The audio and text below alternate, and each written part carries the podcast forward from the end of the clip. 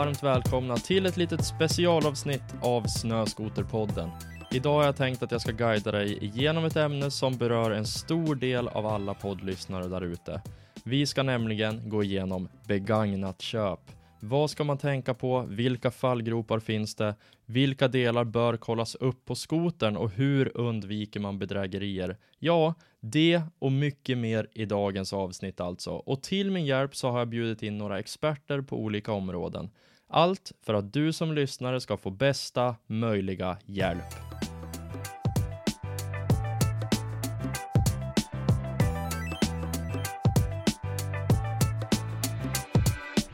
Yes, då ska vi alltså gå igenom vad du ska tänka på när du ska köpa en begagnad snöskoter. Och när du väl har börjat fundera på att köpa en skoter brukar det ofta gå rätt fort från tanke till verklighet. Och det här, det beror på ett fenomen som ofta kallas för köpsug. Det är inte farligt, möjligtvis lite grann för din plånbok, men det botas oftast genom att helt enkelt slå till på det du vill ha. Och någon som är lite av ett proffs på det här med köpsug och olika köpbeteenden är Agata Novakovska på Schibsted som är företaget bakom den välkända sajten Blocket. Välkommen till Snöskoterpodden Agata. Tack så hemskt mycket. Det är kul att vara här. Ja, kul att du tycker det. Vi sitter ju på distans nu. Du är nere i Stockholm och jag är hemma i Sundsvall eh, och vi tar vårt samhällsansvar och spelar in det här på distans. Men det ska nog gå bra ändå. Mår du bra trots de här coronatiderna? Oh ja, visst mår man bra. Det är ju oavsett vad det är för, för tider så, så, finns det ju de här digitala lösningarna som gör det mycket enklare. Så att jag tycker ändå att vi har rätt stor tur att vi kan göra det här på distans. Ja men verkligen och Blocket är väl ett väldigt digitalt bolag eller Schibsted generellt så att ni borde ju vara ganska vana med att göra sådana här saker på distans. Ja, vi var snabba på bollen och har faktiskt suttit hemma sedan i mars så att vi har ingen på kontoret. Trots ett helt eh, nyrenoverat kontor faktiskt som blev klart under corona. Det är ju så sjukt stort också. Hela Schibsted-huset är ju, är ju gigantiskt, de som har varit i Stockholm. Jag vet inte, vad är det för adress dit? Vi sitter faktiskt precis vid Centralen så att det är supercentralt. Just det, stora glashuset där vid Centralen i Stockholm. Absolut, man spanar bara efter Aftonbladet och Blocket-bloggen så kommer man rätt. Ja, sjukt att den stora byggnaden står tom. Men som sagt, vi tar vårt samhällsansvar och det är det viktigaste. Du jobbar ju på Blocket som sagt, men vad gör du lite mer specifikt? Vad är din roll på Blocket? Ja, men jag har den stora turen att jobba på Blocket eh, som team manager för vår eh, kundservice och säkerhetsavdelning. Så att jag har varit på Blocket i, i snart fem år. Shit, vad länge. Hur länge har Blocket, funn Blocket funnits? Vi är gamla i gamet så att eh, vi har faktiskt funnits sedan 90-talet. Det är nog eh, flera som saknar den gamla Blocket-kartan som man såg på startsidan. Men man får lämna det gamla bakom sig lite ibland. Exakt. Jag kommer ihåg, vart det inte lite ramaskri också när det byttes logga och formspråk på hemsidan? Och så här, folk hittade inte längre för att de var så van med det här gamla Blocket-layouten. Men det är det. Vi har så härliga användare som är eh, verkligen så superanvändare. Så varje liten förändring blir ju en stor sak. Vi har över 100 miljoner besök varje månad så att det är en oh, hel del. Shit. Hur, hur, kan du säga hur många, hur många unika besökare ni har? Oh, jag har inte det i huvudet direkt eh, men eh, men det är en hel del. Och som sagt, ja. det, det, är ju till och med ett verb att eh, blocka. Ja, faktiskt. Det använder min lillebror väldigt ofta. Han säger att han använder blocket som sociala medier. Han ligger och bara scrollar typ alla kategorier och ser vad han hittar för någonting. Det är det som är så härligt. Det har blivit som i varje familj så har man ju blocket med sig oavsett om det är när man flyttar hemifrån eller ska byta bil eller för den delen surfa lite och sukta efter nya snöskotrar. Ja, äh, jättehäftigt. Du måste ha ett otroligt roligt jobb, så det hade varit jättekul att spela in ett avsnitt med bara dig. Men nu ska vi guida lyssnarna genom det här med begagnat köp och då är ju du ett riktigt proffs. När på året säljs de flesta snöskotrarna? Men vi har faktiskt eh, att det säljs snöskotrar året om, men mars är den absoluta toppen. Det säljs ungefär 50 000 snöskotrar per år eh, och då några hundra per sommarmånad. Det kommer igång lite så här eh, i mitten av augusti och trappas upp eh, under vintermånaderna eh, med start i oktober, november och december. Vi brukar på Blocket säga att SMHI säger att vintern har anlänt när det är noll grader eller mindre fem dagar i följd. På Blocket så följer vi det genom att kolla om eh, det ligger fler snöskotrar ute än båtar. Och det har det faktiskt gjort nu i tre dagar. Så vintern är officiellt här på Blocket. Shit, vilken timing alltså, vad häftigt. Timing att vi spelar in det här nu då, när liksom vintern är offici offi officiellt öppnad från Blockets sida. Hade vi kunnat lägga in lite snöflingor och sånt på, på startsidan så hade vi nog gjort det. ja, shit vad häftigt. Men du sa 50 000 snöskotrar per år. Alltså om man slår det lite snabbt bara på miniräknaren, 50 000 delat på 365, det är alltså ungefär 137 snöskotrar om dagen i snitt. Det är det som är det härliga med Blocket. Det finns ju alltid någonting att fönstershoppa och kanske slå till på. Ja, coolt. Men alltså, jag, du sa även att eh, ni säljer de allra flesta skotrarna i mars. Jag, jag trodde faktiskt att det var på hösten det såldes fler skotrar, men det stämmer alltså inte? Nej, det är faktiskt mars som är absoluta högsäsongen. Okej, okay, så liksom efter säsongen, efter skotersäsongen, då har man helt enkelt tröttnat på sin skoter och sen så vill man byta till någonting annat? Ja, det brukar vara ofta så när det gäller både, både båtar och snöskotrar. Så att eh, pass på i mars om mm. du vill ha det allra största utbudet. Men man kan nog slå till på ett riktigt bra pris utanför storsäsongen. Exakt, förmodligen så kan man ju det. Men liksom kort sagt, det finns ju otroligt bra möjligheter att hitta sin drömskoter med andra ord. Eh, I och med att det säljs 50 000 skotrar per år. Ja men det stämmer. Om vi ska prata drömskotrar så, så kikade jag precis innan eh, och Ockelbo 600 som, som du brukade låna från din morfar. Just det, ligger... som jag pratade om i mitt eget avsnitt. Jajamän, det ligger åtta sådana ute. Så att, eh... Ja, då är det pass på för alla poddlyssnare om de vill ha en riktig klenod. Precis. Ja, coolt. Får du eh, säga i vilket prisband det säljs flest maskiner? Ja, snittpriset på, på de snöskotrarna som säljs på Blocket är cirka 65 000 kronor. Eh, men om man tittar på, på medianpriset så, så faller det till 56 000. Men det finns ju en eh, hel del lite dyrare kap som man också kan göra. Jag har ju precis lärt mig också att det finns något som är eh, handtagsvärme, vilket jag är super inne på. Det var ju någon som kikade på händerna och tittade på handskarna och tänkte det här är inte nog. Exakt. Nej, men det måste man ha. Det är faktiskt standard på typ alla snöskotrar. Varför finns inte det på fler produkter, tänker jag då? Exakt, och grejen är att jag hade en bil eh, för ett tag sedan som, som hade rattvärme och då känner man ju likadant. Okej, okay, det finns, det finns eh, sätesvärmare i typ alla bilar. Men varför finns inte rattvärme? Det är ju händerna du fryser om, det är ju inte rumpan du fryser om. Så egentligen så är det ju helt ologiskt. Man borde ju alltid se till att det finns värme för händerna. Så där sa du faktiskt något. Jag håller helt med. Men låt oss inte klanka ner på sätesvärme. Som passagerare är det fantastiskt. Ja, så är det.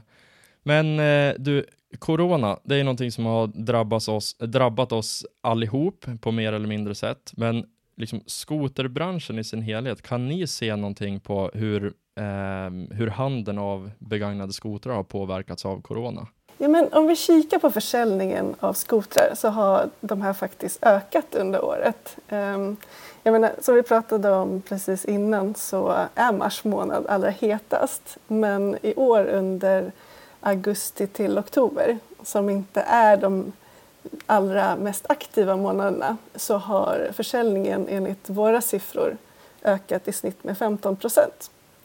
Och det är ju sannolikt själva den här fina semestertrenden som har fått sig en boost av corona.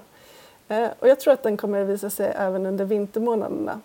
Så att jag skulle förutspå att vi kommer se en fortsatt ökad skoterförsäljning i och med det här. Det är ju jättepositivt för skoterbranschen. Verkligen. Så att det, det är verkligen en, eh, en tid att eh, investera och sälja i snöskotrar. Det låter jäkligt intressant måste jag säga. Istället för att familjerna lägger sina pengar på en Thailandsresa eller åker till Spanien eller gör någonting annat eh, under vinterhalvåret, eh, då behåller de pengarna och istället köper en skoter till exempel. Och det gynnar ju Sverige som land och såklart, det gynnar ju alla som vill sälja sin snöskoter att det finns ett stort sug. Så det är ju skitroligt. Ja, det är den, den, den lilla trösten med, med, corona, det är att vi kan eh, göra saker eh, inom landet och faktiskt främja den eh, handeln som vi har här. Ja, men verkligen.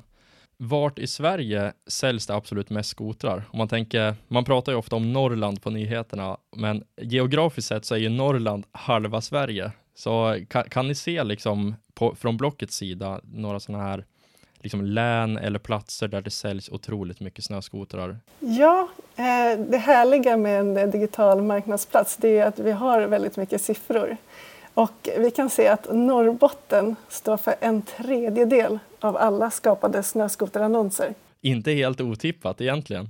Nej, inte helt otippad, men eh, det verkar ju vara eh, våra absoluta skoterfantaster, tätt följt av Västerbotten. Inte heller helt otippat. Nej, jag tror inte det, inte för, för lyssnarna heller. Men jag kikade faktiskt eh, innan här för att jag var lite nyfiken själv. Vad är den dyraste skoten vi har ute på Blocket just nu? Och den är faktiskt i Jämtland och ligger på 325 000 kronor. Oj, då måste du också säga vad det är för någonting. en, en maxad alpina superclass.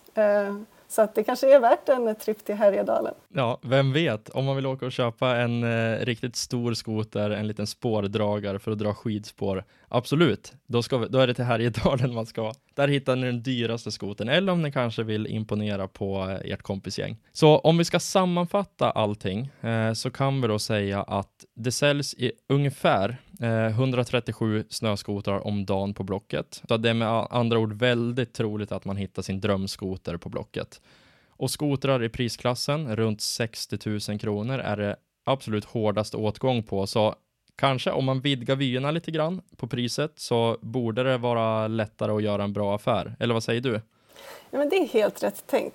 Eh, man ska ju satsa på ett, ett bra pris som både gynnar dig som säljare och eh, köparen. Då, då och tänka på bilder och annonstext så att man faktiskt beskriver varan eh, korrekt och säljande. Finns det något tips där man kan, man kan eh, ta med sig? Ja, jag skulle säga att ta bra bilder och använd maxantalet. Ju, en bild säger ju mer än, än tusen ord. Men det är alltid uppskattat, i alla fall från vårt håll som sitter och eh, läser annonserna, att eh, beskriva och kanske skicka med en liten personlig touch på själva annonstexten. Hade du kanske behövt annonsera ut eh, din morfars skoter så är det en superbra historia som jag tror ändå tilltalar många. Ja, men för ni, ni, delar ju ganska mycket sånt där också, så det får ju ganska snabbt spridning om det är en lite rolig annonstext och det borde ju även gynna den som ska sälja skotern för att det blir ett större intresse. Verkligen. Eh, Åsa som är vår eh, social media manager, hon är snabb på bollen när det gäller roliga annonstexter kan jag säga. ja, roligt. Och, och, sista sammanfattningspunkten, eh, då är det ju att eh, skotrarna säljs, eh, då, eller de flesta skotrarna, de säljs ju på våren eh, och då är det ett överflöd på marknaden. Så att om du vill göra den bästa affären så ska du köpa på våren och sälja på hösten. Och det vet nog de flesta redan, men det är ändå någonting att ta med sig. För nu har vi fått det bekräftat av en Blocket-expert. Siffrorna ljuger inte. Exakt. ja men du Agata, tack så jättemycket för att du tog dig tid och vi hörs ju lite senare i det här avsnittet. Men först så ska vi gå igenom nästa steg i köpprocessen och det är vad man ska tänka på när man åker och tittar på snöskoten.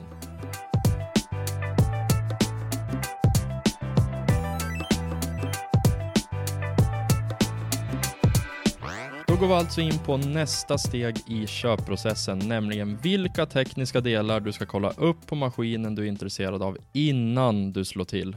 Och för att det här ska bli så tillförlitligt och korrekt som möjligt så har jag tagit hjälp av en riktig skoterguru här i stan, nämligen Emil Molander.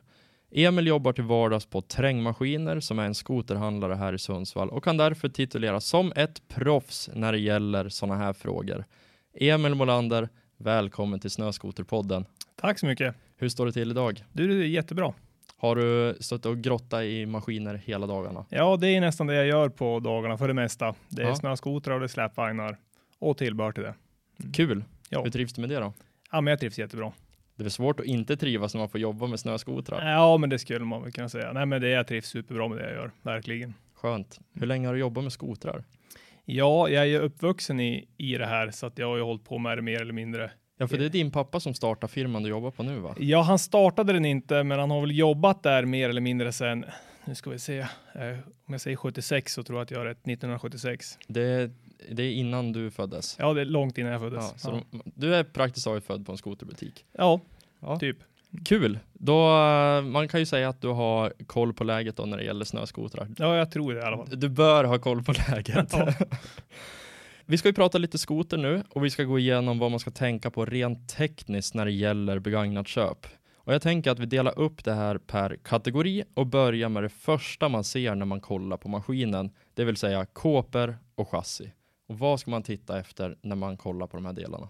Ja, men ofta får man väl ett helhetsintryck det första man får när man ser skotern. Jag menar, ser plasten okej ut, är fotstegen rak och fin, det är inte fullt i reper liksom på kantlisterna. Nej, men då ser man ju ofta att den i första anblick så ser den ju bra ut. Och ofta så säger ju det en hel del om hur skotern egentligen är. Ja, exakt. Så att ser man att den är väldigt sleten i kåpor, alltså utöver normalt slitage, kvistreper blir det ju, men ja, såklart. är det liksom sprickor och grejer och fotstegen är skev, då kan man förmodligen bedöma att den här har gått ganska hårt. Ja, och det är i regel fotstegen tar ju mycket stryk om man far och åker, alltså runt träd och runt stenar och jag menar, blir de krokiga och sned och liksom mycket lackskador, om vi säger rever i fotstegen, alltså på sidorna, så har ju skoten ofta kanske gått där det inte alltid har varit så mycket snö. Ja, exakt. Mm. Men själva chassit då, kan man, kan man se det? Går det att kröka ett chassi skulle du säga? Ja, det är klart det går att kraka på flera olika sätt. Eh, sen håller väl chassina bättre idag än vad jag tyckte att de gjorde för 10-15 år sedan. Mm. Men hur kan man se på ett, på ett chassi, liksom, om den är, vi säger man ramsned? Ja, det gör man. Ja, ramsned eller chassisned. Ja, men ofta det man kan se på det är till exempel i framvagnen. Att man kan ju försöka kika så att skidorna är lika långt fram på båda sidorna. Så att inte en skida är liksom 20-30 millimeter längre fram än den andra. Om man står på skotern och håller i styret och liksom tittar fram på Då skidorna. ser man ganska bra bara man står på den. Du ser ju där om det är något som är krokigt eller om det inte är krokigt om man säger så. Ja, just det. Eh, kan, man, kan man kolla på något annat? Kan man göra, finns det någon annan så här checklista man skulle kunna gå igenom gällande chassi? Ja, men annars en snabb grej att kolla, det är ju till exempel stötdämparna och så kan man kolla så att man har ungefär samma avstånd mellan dämparna och armen på båda sidorna. Alltså både fram och bak på stötdämparen och på höger och vänster sida. Så att avstånden där ser likvärdiga ut. Okej, Mm. och annars ja, avslöja det. Ja, det kan ju vara att man har kört på någonting och han har blivit lite skev. Men sen är det ju, många skotrar är ju lite skev i framvagnen. Mm, det är så. Ja, Det är mycket inställning också kanske. bland annat. Ja. Ja, okej. Om vi går in på nästa steg då nu. Du sa framvagn det sista du sa, men om, vi, om man kollar liksom mer i detalj på framvagnen. Vi har A-armar, vi har bussningar, vi har spindlar, vi har skidor. Det är väl kanske inte jättemycket på skidan som kan bli fel, men liksom vad ska man titta på på, dem, eh, på, på den regionen? Ja, men om man börjar titta på skidan så man tittar väl styrstålarna så att de är hel åtminstone och sitter ihop. För det kan ju hända att styrstålarna, att man har kört mycket, ja, om man säger kanske, kanske på väg lite grann om man har nött lite styrstål. Då kan man ju även ha nött en hel del på skidan om man har nött, nött sönder styrstålet. Så det kan ju vara en bra sak att kolla så att det är helt, så att det är en- del så att säga, så att det inte har gått av i mitten för att det är helt utnött. Mm. Jag hade faktiskt en kompis som, som köpte en, eh, en lite äldre skoter och där, eh, den, de styrstålen var så sliten att det var bara två stumpar i vardera ände. De satt fast i bulthålen och sen hade plasten på skidan under där styrstålet normalt ligger. Det var helt bortslitet så att när du körde den där skotern, det, det liksom spruta snö upp genom skidan. Ja, men precis. Ja, men det är Då har det gått lite för långt. Det har gått lite för långt, men det, det ser man ju ganska, kanske inte ofta, men det händer varje år att man ser sådana skotrar. Så det är ju en snabb grej att kolla så att liksom styrstålet är helt till att börja med. Eh, sen har du ju framvagnen då, men dels att man kollar det där med avståndet från stötdämparen och se så att det är lika på båda sidorna, alltså på höger och vänster sida.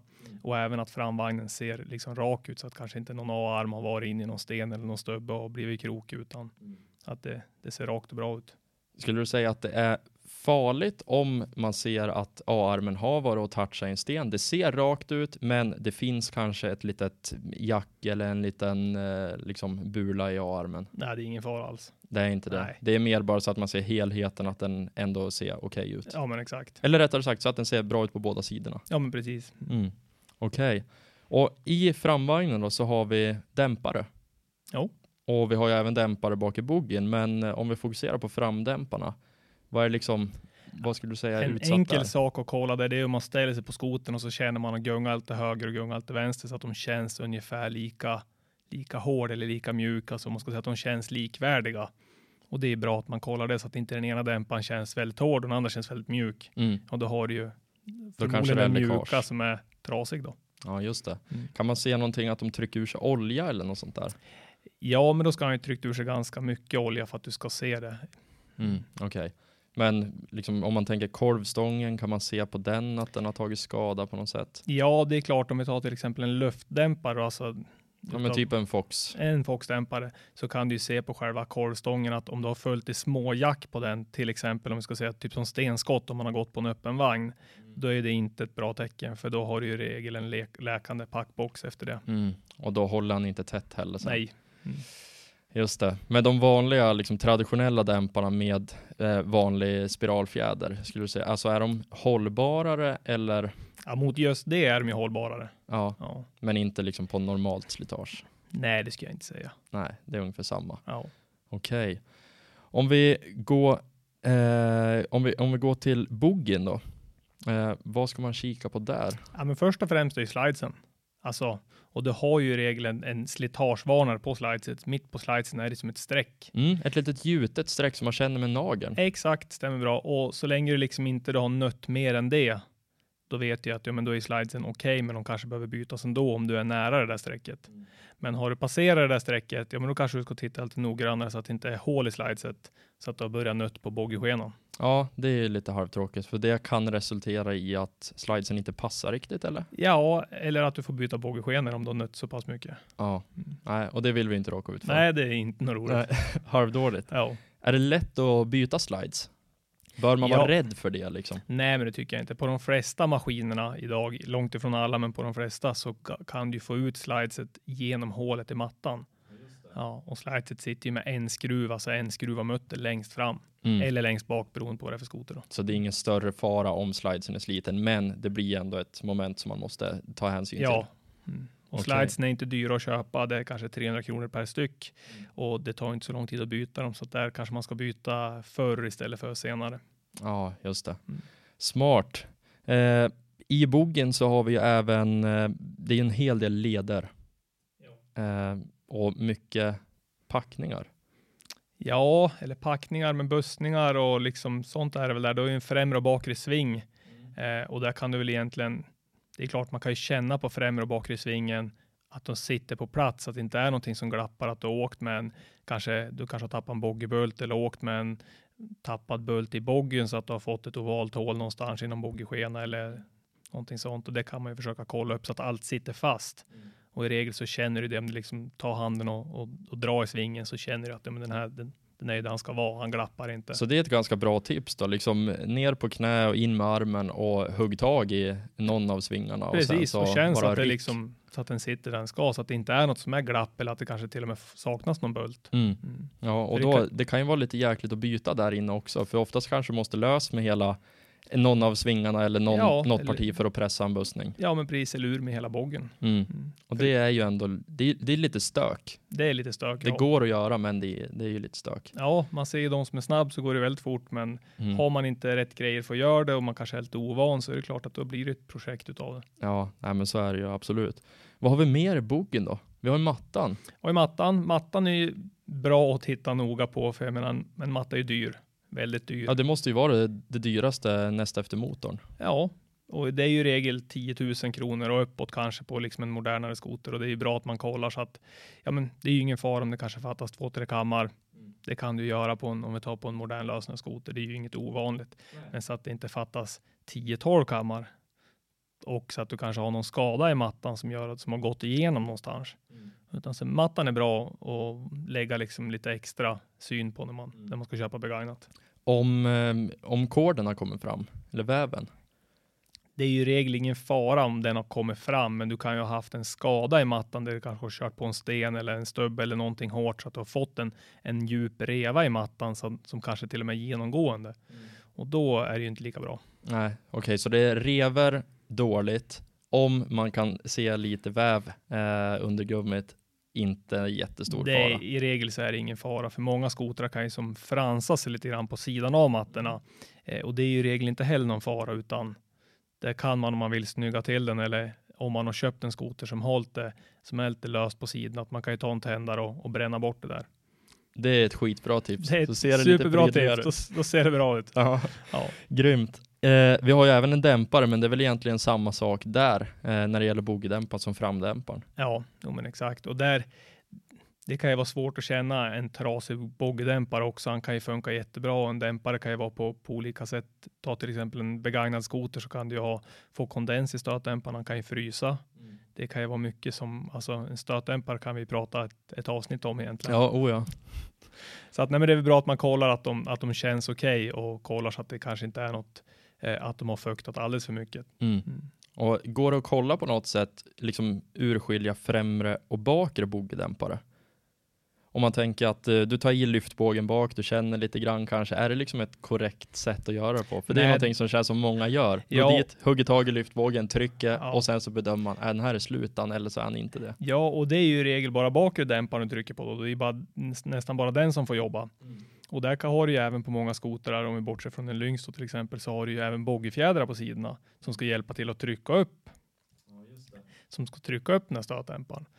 Och sen kan det vara en stötdämpare som har till exempel returjustering och hur står returjusteringen? Ja. Är den dragen feljusterad kanske så att du har en trög returjustering? Eller är dämparen sliten och skulle behöva renoveras? Ja, just det. Ja, äh, det ja, som du säger, det, det är mycket bara med stötdämpare, men ja. vi kommer nog inte bli fullärd här Nej, idag det, ändå. Där finns det mycket att... Ja, då tar det slut på minne i datorn. Ja, precis. eh, om vi går på motorn då. Finns det någonting man kan göra där? Vi, vi skojar lite grann här innan vi börjar spela in om att ja, man lär ju komptesta skoten innan man, innan man köper den, men riktigt så seriöst kanske man inte vill göra Nej, jag menar, tar vi, och jag menar, tittar vi idag när folk köper begagnad skoter så kanske vi pratar en skoter som är tio år gammal eller nyare. Det är ju regel där vi är och jag menar en skoter som är tio år gammal idag är ju väldigt, väldigt bra kontra en skoter som var tio år gammal för tio år sedan. Mm. Så att grejerna har ju blivit mycket bättre och håller mycket bättre. Och, så att, men det är klart, man kan ju öppna och kolla så att det inte till exempel har ett löst grenrör kan ju vara enkelt att se, alltså avgassystemet, så att det inte det har läkt massa runt cylindern, mm. mellan cylindern och grenröret kan ju vara en snabb sak som man, man ser ofta om man lyser med telefon. Mm. Eller om spridarna då, som sitter uppe på, om du har läkt bensin där, kan du se ofta att har, ser det rent och städat ut i motorutrymmet så är det ofta ett bra tecken. Alltså. Ja, mm. exakt. Så att äh, egentligen kolla efter, efter läckage eller så här kladd. Ja, men i regel Det är inte så, bra. Ja. Nej, det är aldrig bra. Då är det ju någonting som läker. Sen vad det är, ja, det, det kan ju vara olika saker, men ser det rent och städat ut, ja men det är, då är det alltid bättre. Mm. Det kan ju även vara, eh, det har jag själv var, råkat ut för, ett, eh, ett oljelock som läker lite grann. Ja, så kan det också vara. Och då har man rullat med skoten någon gång så blir det jäkligt kladdigt ja. där under. och tar vi lite äldre, speciellt BRP-skoter så hade de ett oljelock som inte alltid var tätt. Nej. Ja, men det finns ju hjälp att få för sådana problem också, ja. så att man ska inte rädas över det Nej, heller om det är ett, ett oljelock som är lite tokigt. Ja men bra. Eh, vi har ju även drivlina. Och då tänker jag främst på kanske drivhjul, variator eller variatorer. Ja, drivhjul är en sak som sällan behöver bytas idag. Alltså i regel, alla skotrar har ju non-slip-drivhjul som sitter liksom väldigt bra på axlarna. Det är klart att det händer att eh, att eh, hjul lossnar från drivaxeln, men om de gör det så då är det ju inte liksom i skick att flytta skoten heller. Den kommer ju leva om otroligt mycket och kommer knappt ta sig framåt. Så det upptäcker du ju väldigt fort. Eh, kedjan är också en sån där sak som man inte byter med samma intervall som man gjorde för tio år sedan när man bytte kedja väldigt, väldigt, väldigt ofta, men oftare. Mm. Nu håller ju en kedja i regel väldigt länge. Ja, det måste ju nästan hålla skoterns livslängd. Ja, ungefär. Mm. Ja. Det är klart, har du åkt tusen mil så ska man väl kanske byta kedjan, men före det så, så absolut inte, eller det behövs inte om den har varit rätt justerad. Och om man tänker, det är ju massa lager på, på drivaxlarna. Ja, men de håller ju också idag mycket bättre än vad de gjorde innan. Alltså drivaxellager för övre och nedre drivaxel håller ju mycket bättre. Och det, men det är ju en svår sak att kontrollera också. Ja, för det, man kan väl inte riktigt känna i, om man, om man liksom tar i sekundären och rycker och sliter lite grann. Du, du har ju ett Det glapp. glappar ju lite. Ja, det gör ju det och det är kedjan som ska glappa lite grann. Så att, jag menar, det, det kommer du ju aldrig ifrån. Så det är ju svårt att känna om du har ett dåligt drivaxellager eller inte. Exakt. Men i övrigt då, om man går liksom på variatorerna, finns det någonting man kan kika efter där? Eller är det egentligen bara att kolla så att han drar iväg på rätt varvtal och att han inte upplevs för ryckig och att det är någon fjäder Ja. som har gått av och sådär? Ja, men sen kan man ju kolla hur remmen ligger i variatorn, för den ska ju ligga lite ovanför, alltså bakre variatorn, alltså sekundärvariatorn, lite ovanför kanten liksom. Där kan man kolla så att den, den ligger där den ska. Alltså inte den är nersjunken mellan skivorna. Precis, för det är inte bra. Nej. Vad, vad kan det tyda på då? Ja, men det kan ju vara olika saker, men det kan ju vara en haveri på sekundärvariatorn i regel, eller en fel rem på fel skoter. Ja, det vore ju jättetråkigt. Ja, men det händer ju ofta man kanske är en liten äldre skoter och så har de kört en trasig rem och hade ingen reserv, utan det var någon, någon kompis eller någon annan som hade en rem som man, man hängde på för att ta sig hem. Ja. Så det kan ju vara bra att kolla så att den ligger där den ska. Ja, ja, men absolut. Det låter ju vettigt. Eh, om man tänker skitiga variatorer. Om de är alldeles, vi, vi målar upp ett scenario att de är alldeles kolsvart. Vad kan det betyda? Då borde ju han som eh, ska sälja skoten ta och tvätta dem. Ja, men, Nej, det men- är inget fel med att de Nej, blir skiter, för det nej, blir de va? Och kör du ett remhaveri så det är klart att du får ju remrester där och du får ju skitiga variatorer. Så är det ju. Eh, Men sen ska man kanske kolla så att eh, variatorerna är ren i skivorna så att säga, alltså på insidan, främre och bakre variatorn så att de är, ser jämn och fin ut där. Mm. Mm. Just det. Och inte kolla efter, eller kolla efter ojämnheter också. Ja, kan, du kan ju ha haft otur till exempel att du har tappat ett verktyg på variatorskyddet och lossnat som har stötts omkring där inne och då kan du ha väldigt fula jack i variatorn. Det kan ju vara en bra sak att kolla att man liksom, och det ser man ju också ganska fort när man häng, tar variatorskyddet och kanske lyser med telefon att ja, men det ser i regel, ofta ser det ju bra ut variatorerna, men ibland kan det vara att det kan ju ha lossnat någonting under motorn, till exempel ett variatorremsverktyg. Mm. Har jag varit med om själv. ja, jag ser nu på det. Ja, just det. Men om, om remmen går, alltså om remmen sprängs, går sönder, det kan ju också få ganska tråkiga konsekvenser. Men kanske inte heller livsavgörande för ett skoterköp, för att en, rem, en sprucken rem, det händer ju. Ja, ja, det, är ju, det ska ju igenom väldigt mycket hästar genom en rem och tar vi speciellt lösnåkare så det är klart att oavsett märke eller skoter så det, det, remmen slits ju. Till slut kommer han ju gå sönder. Så är det ju. Och sen om du byter den i tid eller inte byter den i tid, ja det är ju där du har kanske skillnaden på hur skitiga variatorer du har också. Ja, så är det ju.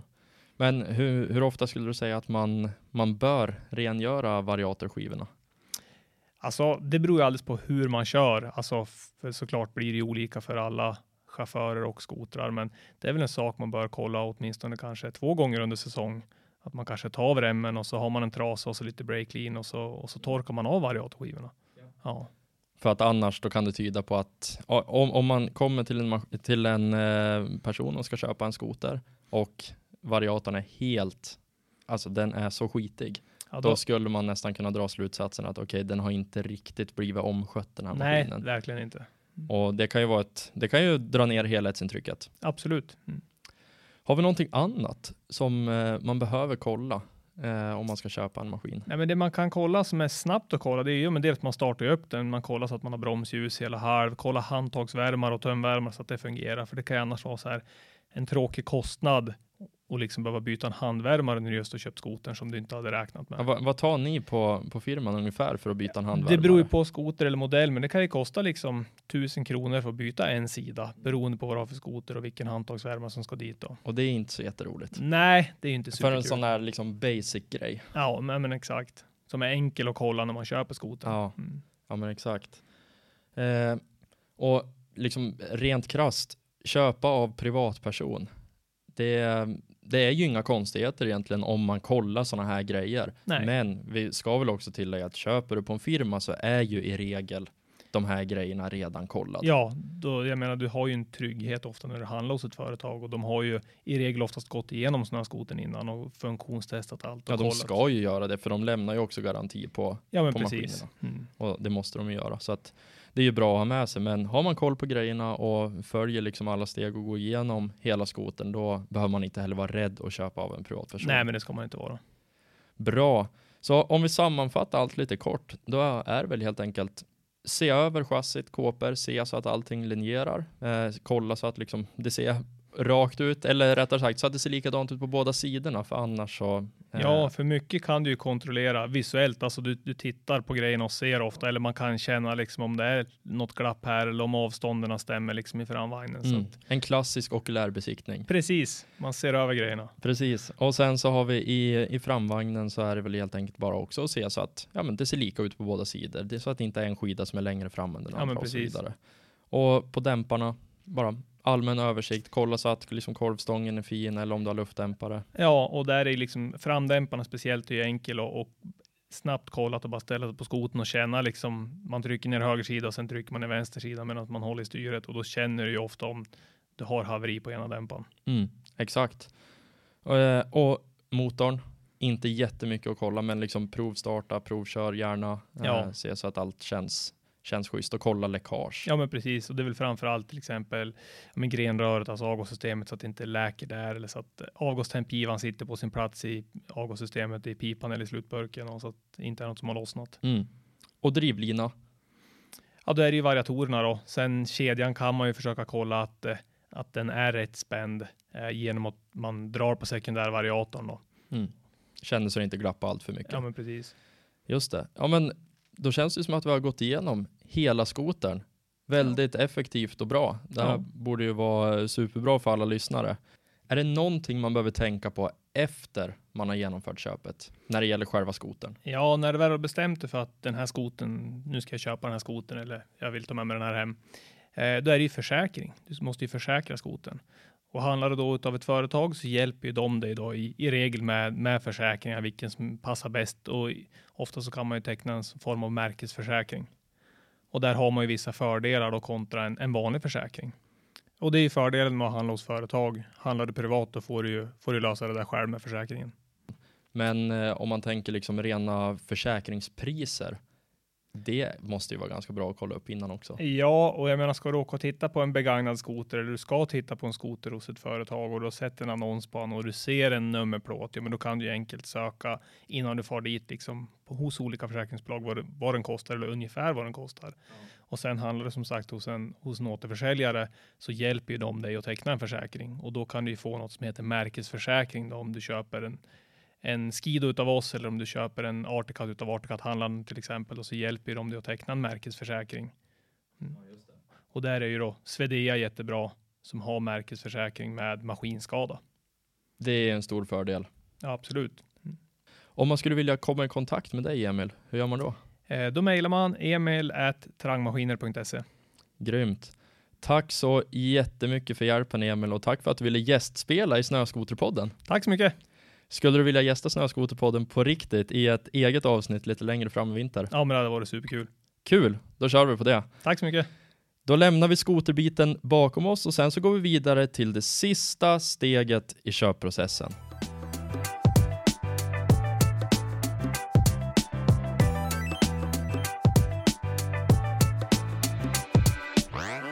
Dags för det sista steget i köpprocessen. Du har alltså hittat drömskotern, du har varit och tittat och synat alla delar på skotern som vi gick igenom alldeles nyss. Du har kanske provkört och fått en genomgående bra känsla. Ni är överens om priset och du vill helt enkelt slå till. Men här finns det en hel del som du måste tänka på innan ni skakar hand och slutför affären. Och för att få lite proffshjälp på ämnet så har jag ännu en gång tagit hjälp av Agata Novakovska som jobbar med säkerhetsfrågor på Blocket. Hej igen och välkommen tillbaka till Snöskoterpodden Agata. Ja, men tackar, tackar. Nu kommer vi in på de alldeles underbara frågorna om säkerhet. Äntligen! Och det här är ju faktiskt det viktigaste steget i hela köpprocessen. Ja, och det gäller ju oavsett vad man ska köpa, eh, men också väldigt specifikt för motorfordon. Ja men verkligen, för det rör sig ju om väldigt mycket pengar i de här sammanhangen. Det är kanske inte, Alltså såklart, man ska alltid vara noggrann med säkerheten, men det är ju klart att det spelar ju större roll om man är noggrann när man ska köpa en snöskoter för 100 000 kronor än om du köper en barncykel för 300 kronor. Så att eh, det känns som att i det, här, i det här forumet så är det otroligt viktigt. Jag håller med. Det är stora pengar man eh, rör sig med eh, och då är det extra viktigt att man tänker på en hel del saker. Exakt, så att vi, vi kör igång direkt och om vi börjar med bedrägerier. Hur vanligt är det med bedrägerier när man köper en snöskoter? Man vill ju tro att alla är goda människor som inte lurar en, men riktigt så är inte fallet. Varje år görs ju miljontals affärer via Blocket i alla möjliga kategorier, däribland skotrar. Då, då. Sen är det så att överallt där det görs någon form av betalning så finns det ju bedragare som lockas till att försöka begå ett brott. Men det utgör faktiskt mindre än en promille av alla affärer hos oss på Blocket. Och det skiljer sig inte i snöskoterkategorin. Nej, exakt. Så det spelar egentligen ingen roll om du kollar efter en snöskoter eller en bil, utan snöskoter, det är inte mer bedrag, bedrägerier när man kollar på snöskoter? Nej, jag skulle säga att vi får in eh, eh väldigt lite av den typen av ärenden generellt sett. Vad är den vanligaste situationen där man riskerar att bli lurad som köpare? Ja, eh, ett tips oavsett vad man är ute efter att köpa, det är att man tittar på priset. Är priset väldigt bra så ska man nog tänka till ett extra varv. Hur kommer det sig att eh, ingen annan har köpt varan redan? Eh, det är dessutom väldigt viktigt att man inte skickar pengar i förväg bedragare är oftast inte ute efter hela summan eh, och nöjer sig med förskottsbetalningen. Okej, okay, så att eh, ofta ett vanligt bedrägeriförsök det kan vara att du ska swisha en eh, handpenning säger vi. Det stämmer bra och det. Och sen så kommer handpenningen och sen så är personen helt plötsligt inte kontaktbar. Ja, det kommer nog inte att se röken av den personen mer. Okej, okay, så då har vi, vi har två varningsklockor där eh, och det är om varan är för billig eh, eller om priset är liksom väldigt konstigt eh, och sen så ber personen om förskottsbetalning för att eh, hen ska hålla produkten då tills, eh, tills du är där. Ja, det avråder alltid dig som köper att skicka pengar i förskott. Och det är också en vanlig taktik att en säljare kan stressa på och säga att den har flera köpare och att man ska slå till väldigt snabbt. Eh, det är sådana små varningsklockor som kan ringa och då gäller det att man faktiskt lyssnar på sin magkänsla och avvaktar lite och är vaksam. Är det så att man känner sig lite osäker så är det ju bara att man hör av sig till oss på Blocket. Eh, jag vill slå ett slag för vår säkerhetsavdelning. Vi, vi jobbar varje dag i hela veckan, alla dagar om året. Och vi finns där från 7 på morgonen till 22 på kvällen. Okej, okay, alltså så att ni har öppet till 22 på kvällen? Jajamän, det finns där och eh, till och med på julafton. Helt sjukt, men också jättebra, för det, det är ju oftast lite skumma tider efter arbetstid man åker och gör en affär på framförallt en snöskoter. Du jobbar till fem eller sex och du ska äta middag och sen kanske du åker två timmar i Norrlands inland för att hämta drömskotern och eh, då kan det ju vara väldigt bra att slå ett samtal om man är, ett, eh, om man är lite osäker på hur man ska göra bara för att få lite experthjälp. Vi har inte telefonsupport i dagsläget, men om man drar iväg ett, ett mejl till oss så får man ofta svar inom en timme faktiskt. Ja, men det är jättebra. Grym info. Men vad ska man göra då? Liksom om, om, man, om man ska köpa en snöskoter. Eh, du är på väg dit. Vi, vi målar upp scenariot att man är på väg dit. Man har bestämt träff. Du har bestämt pris kanske. Vad ska man göra för att vara liksom helt trygg med att genomföra köpet hos en privatperson? Eh, det första tipset är att man inte tar med sig kontanter till mötet utan att man alltid använder sig av andra betalningsmetoder såsom Blocket-betalning. Ehm, och som sagt, skicka inga pengar i förskott. Eh, sen så rekommenderar vi också alltid att man faktiskt ser varan fysiskt eh, så att man kan klämma och känna på den här.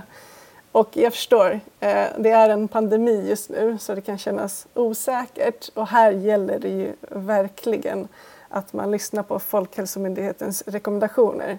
Vi på Blocket har också lagt ut det på vår sida. Man stämmer inte träff med någon om man är, är lite sjuk. Man träffas utomhus och håller avstånd till varandra. Man kan göra en eh, säker transaktion oavsett. Det är ju faktiskt väldigt viktigt att förtydliga. Men du, du nämnde Blocket-betalning bara i förbifarten och det låter ju som att det borde ju vara någonting som är tryggt om ni jobbar med säkerhet och eh, ni ändå har en egen betalmetod. Kan du inte berätta lite mer om, om just den tjänsten? Blocketbetalning är ju en tjänst för just enklare och tryggare betalningar när du köper alla typer av begagnade fordon. Och det är ju någonting som vi på Blocket erbjuder i, eh, tillsammans med Rocker. Så det blir en ökad trygghet eftersom betalningen går via Rocker. Eh, det är så att köparen och säljaren får båda identifiera sig med BankID när man genomför betalningen så att du vet vem du köper av och vem du säljer till då. Det går inte att bluffa helt enkelt. Nej, det går inte att bluffa, speciellt inte om man är på plats och verkligen säkerställer att eh, du har eh, kollat på alla mekaniska saker och eh, träffat personen och har bra magkänsla. Och du får efter transaktionen både Eh, en bekräftelse och ett kvitto på att köpet har gått igenom. Men hur funkar det här rent praktiskt? Jag tänker mm, om, om man gör typ en banköverföring, en vanlig liksom på banken, då är det ju någon, dra, någon dags fördröjning, särskilt om man har olika banker. Och hur funkar det då i det här fallet? Blir det också fördröjning eller går det direkt? Du som säljare är garanterad att få dina pengar oavsett. Det är det som är så härligt. Det går inte att eh, dra tillbaka betalningen på något sätt så som det kanske går att göra med, med en banköverföring. Och betalar du direkt eh, via Rocker, då dras pengarna direkt från banken. Eh, och tar du till exempel en storbank som Nordea så har du faktiskt pengarna på eh, kontot inom fem minuter. Okej, okay, så det, det, är inte, det är inte lika snabbt som att lämna över en portfölj med kontanter, men det är mycket tryggare och det tar bara fem minuter. Ja, vi vet ju att det finns en stor osäkerhet, speciellt när det gäller stora belopp. Att det tar några bankdagar Banken har inte öppet på helgen eh, där man gör de flesta transaktionerna. Då finns den här säkerheten att du kommer få pengarna. Du lämnar inte ifrån dig skoten till en köpare som åker iväg utan att veta att du har pengarna på kontot. Och köparen slipper faktiskt krångla med att kanske öka upp gränsen på Swish om det är det man vill använda eller att betala i olika betalningsformer. Vi har ju eh, flera scenarion där man betalar en del med kontanter, swishar en del och sen så gör man en banköverföring på den sista delen. Det slipper du helt med blockad betalning. Du kör allt i ett. Ja, jag, jag sålde min skoter här bara för, vad var det, en eller två månader sedan och då, hade, då var det just det scenariot att swishgränsen var, var 50 000 eh, och jag skulle sälja en skoter för strax över 70 000. Och då var det så här bara, ja, okej, okay, det gick inte att swisha mer än 50 000, så den här personen och köparen började ringa runt till kompisar och eh, mamma och pappa och det vart liksom så här, alla vart inblandade i den här skoteraffären för en summa på 70 000. Eh, och jag, jag, tror att han hade Nordea, för där hade de den gränsen. Sen är det ju olika från bank till bank, men det, det är ju ändå ett problem som du beskriver. Ja, det är ett väldigt vanligt problem när man både köper och säljer vissa stora belopp som det rör sig om. Och det är därför det är så härligt att vi faktiskt kan erbjuda den tjänsten, för man slipper den stressen. Och jag menar, hur, hur trevligt är det för en köpare att kanske lämna ifrån sig en del av pengarna, lämna fordonet och sen behöva försöka ordna med finansiering på annat sätt på resten av biten. Här så löser du biffen på en gång. Ja, det är ju faktiskt jäkligt smidigt. Men blir det då så att för, för från säljarens sida, eh, är det då så att eh, säljaren får pengar direkt som betalas ut då tekniskt sett av, av eh, Blocket eller Rocker? Ja, det stämmer. Eh. Det är ju som sagt, vi gör det här med, med Rocker. Eh, och de ser till att pengarna kommer ut på, på kontot direkt. Eh, storbankerna inom fem minuter. Annars så ser du dem på kontot inom en, två dagar. Okej, okay, men som, som säljare då, då får du betalt av Rocker, eh, betalningsbolaget då, som ligger bakom det här blocket betalningar. Eh, och som köpare, då, får du, eller då betalar du via det här programmet. så att allting går via Rocker som bank, eh, så att det blir liksom tryggt för båda parter. Är det liksom en korrekt uppfattning? Rockerbetalning är ju någonting som Blocket har gjort i samarbete med Rocker för att få fram en tryggare och smidigare betalningslösning. Och så länge köparen har genomfört alla steg i Blocketbetalningen som man kickar igång via Blockets app eh, och man har mottagit ett bekräftelsemail från oss så kommer man att få betalt från Rocker. Det spelar ingen roll för dig som säljare vilken betalningsmetod köparen sedan har valt. Eh, utbetalningen sker från Rocker och eh, utbetalningstiden är densamma oavsett köparens betalsätt.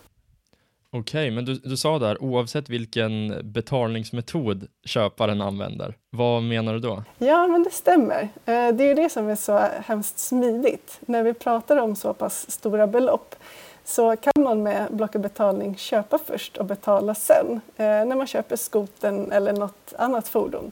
Det är en nyhet som vi erbjuder i samarbete med Rocker. Okej, okay, så att egentligen säljaren har ingenting med finansieringen att göra, så att nu är det tekniskt sett då möjligt att finansiera en del av köpet och, eller hela köpet via Blocket-betalning? Idag har du två olika alternativ när det gäller Blocket-betalning. Antingen så kan du betala direkt och då kommer pengarna dras eh, ifrån din bank så länge du har pengarna på kontot. Det andra alternativet, det som är så fantastiskt, det är att du kan handla med faktura.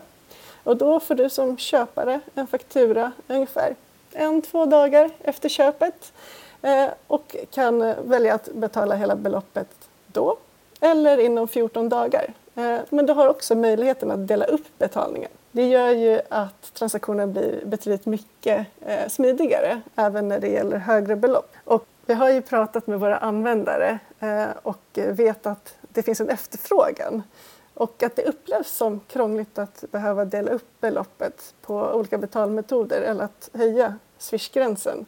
Så att eh, nu har vi blockad betalning och eh, kör hårt.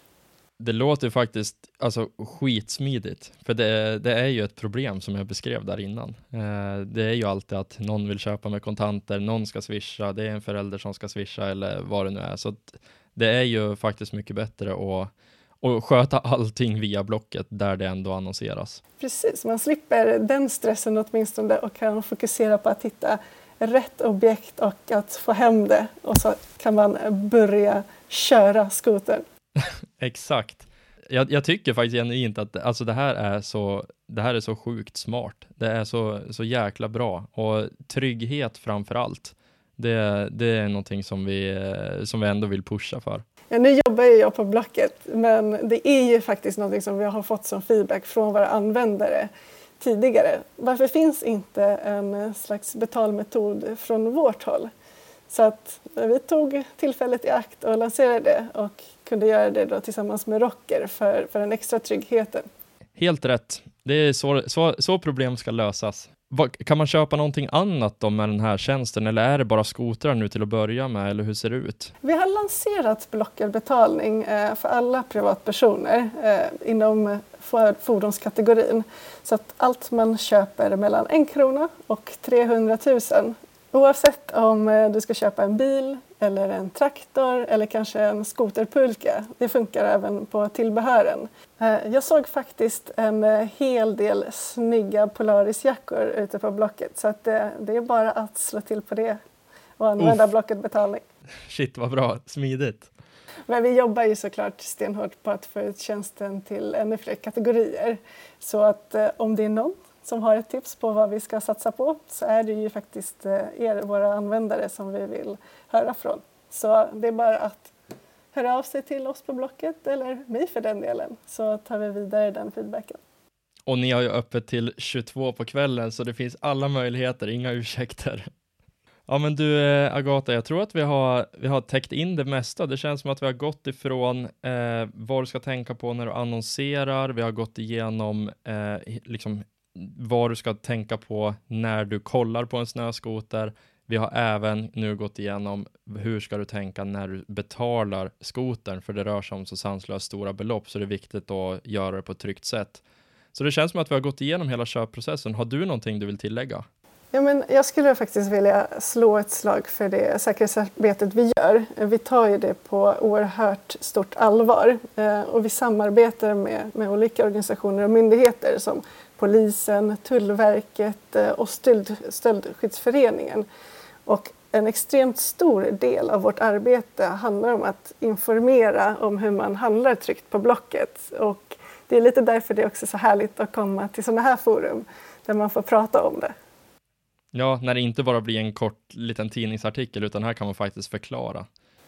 Ja, men precis, det har inte hänt någonting utan vi får faktiskt berätta om det redan innan så att man slipper hamna i en, en tråkig sits. Mm. Ja, men det, det är jättebra och vad, det är ju seriöst också att faktiskt ha samarbete med, med till exempel polisen.